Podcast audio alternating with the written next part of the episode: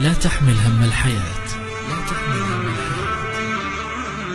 الصديق لن يقاسمك وجعك حرفيا والحبيب لا يستطيع فعليا إزالة ألمك.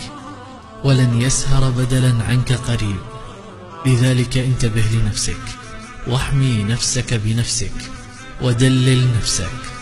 ولا تعطي لأحداث الحياة قيمة أكبر مما تستحق. تيقن أنك حينما تنكسر لن يرممك أحد إلا أنت وحينما تنهزم لا أحد سينصرك إلا إرادتك. قدرتك بالوقوف على قدميك مجددا هي مسؤوليتك. لا تبحث عن قيمتك في أعين الناس.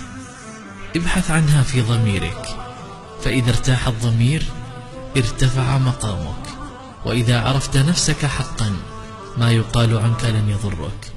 لا تحمل هم الدنيا فإنها لله. ولا تحمل هم الرزق فإنه من الله.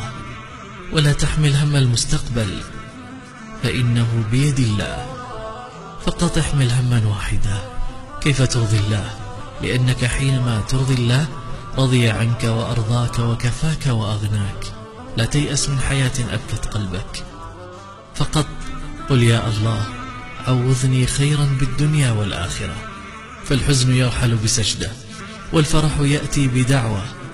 لن ينسى الله خيرا قدمته للآخرين أو هما فرجته عنهم أو عينا كادت أن تبكي.